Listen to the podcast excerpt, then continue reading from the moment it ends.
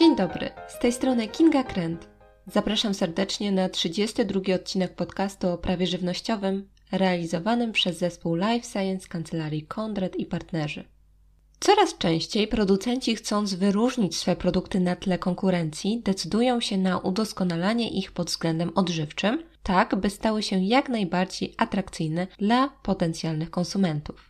Na etykietach tego typu środków spożywczych niejednokrotnie można znaleźć różnego rodzaju odwołania do ich szczególnych właściwości żywieniowych, typu zawiera witaminę C, nie zawiera cukru czy wysoka zawartość białka. Są to tak zwane oświadczenia żywieniowe. Ich stosowanie często wzbudza wiele wątpliwości u producentów. Dzisiaj spróbujemy wyjaśnić sobie kilka z nich, a mianowicie, czy zawartość słodzików w produkcie wyklucza możliwość użycia oświadczenia bez dodatku cukrów? Czy grafika przekreślonych kostek cukru może zostać uznana za oświadczenie? I w jaki sposób zmieniać prawidłowo brzmienie ustanowionych w przepisach oświadczeń żywieniowych? O tym wszystkim już za chwilę.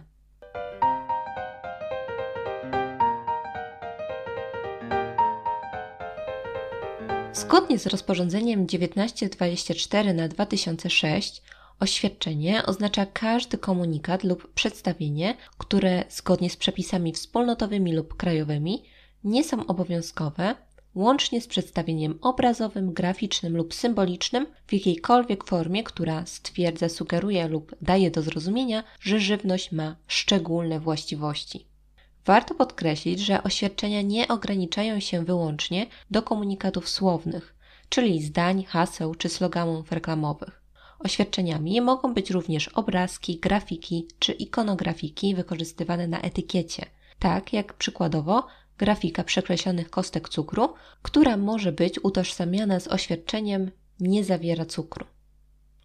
Oświadczenie żywieniowe z kolei to każde oświadczenie, które stwierdza, sugeruje lub daje nam do zrozumienia, że dana żywność ma szczególne właściwości odżywcze. Musi być to zatem jasny komunikat, który świadczy o tym, że dana żywność wyróżnia się w jakiś konkretny sposób z ogólnej kategorii środków spożywczych.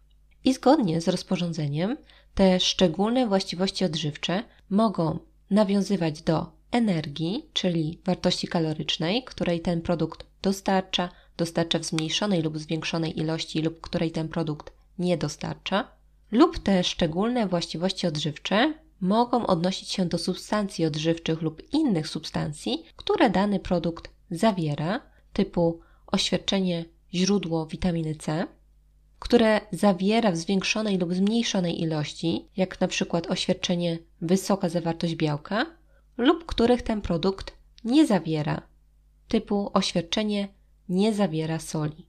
Co istotne, według artykułu 8 rozporządzenia 1924 na 2006 oświadczenia żywieniowe możemy stosować jedynie w przypadku, gdy są one wymienione w załączniku do rozporządzenia i są zgodne z określonymi w nim wymogami. Zatem, aby móc zastosować oświadczenie żywieniowe, należy przede wszystkim spełnić warunki ogólne z artykułu 3, 5, 6 i 7 rozporządzenia 1924 na 2006 oraz warunki szczegółowe określone dla konkretnego oświadczenia, które znajdziemy w załączniku do tego rozporządzenia.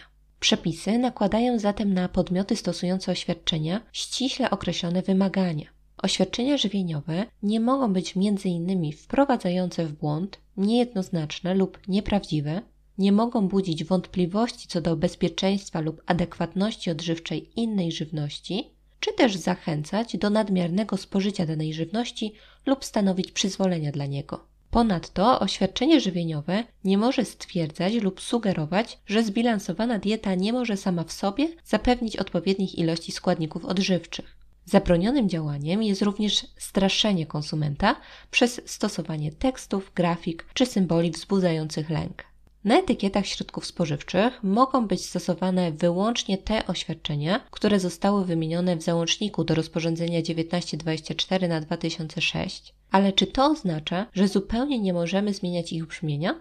Prawodawca na szczęście dopuszcza w tym zakresie pewną elastyczność. I przykładowo oświadczenie źródło witaminy D można zastąpić określeniem z dodatkiem witaminy D, wzbogacony w witaminę D, czy też innym synonimicznym określeniem. Pamiętajmy jednak, że brzmienie oświadczeń może być zmodyfikowane wyłącznie na tyle, by nadal miało ono taki sam sens dla konsumenta, jak to określone w przepisach. Czasami pewną wątpliwość u konsumentów wzbudza zamieszczenie na etykiecie oświadczenia bez dodatku cukru i zaraz po nim treści zawiera substancje słodzące. Warto zaznaczyć, że podejście do tego typu rozwiązania było dyskutowane na poziomie unijnym i nie każde państwo członkowskie uznaje jego prawidłowość. Jednak jeśli chodzi o Polskę, to zgodnie z wytycznymi Polskiej Federacji Producentów Żywności z 2017 roku, obecność substancji słodzących w produkcie aktualnie nie stoi w sprzeczności z możliwością deklaracji oświadczenia bez dodatku cukrów, przy założeniu, że produkt jednocześnie nie zawiera dodanych cukrów prostych, dwucukrów ani żadnych innych środków spożywczych zastosowanych ze względu na ich właściwości słodzące, takich jak na przykład miód pszczeli. Stanowisko to zostało zatwierdzone przez GIS.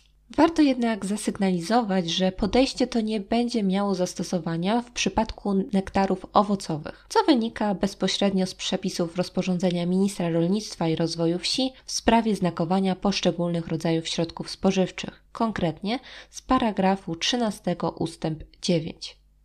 Jeśli chcielibyście Państwo uzyskać więcej informacji na temat stosowania oświadczeń żywieniowych, to zapraszamy do kontaktu z kancelarią Kondrat i Partnerzy za pośrednictwem adresu mailowego prawożywnościowe.kondrat.pl.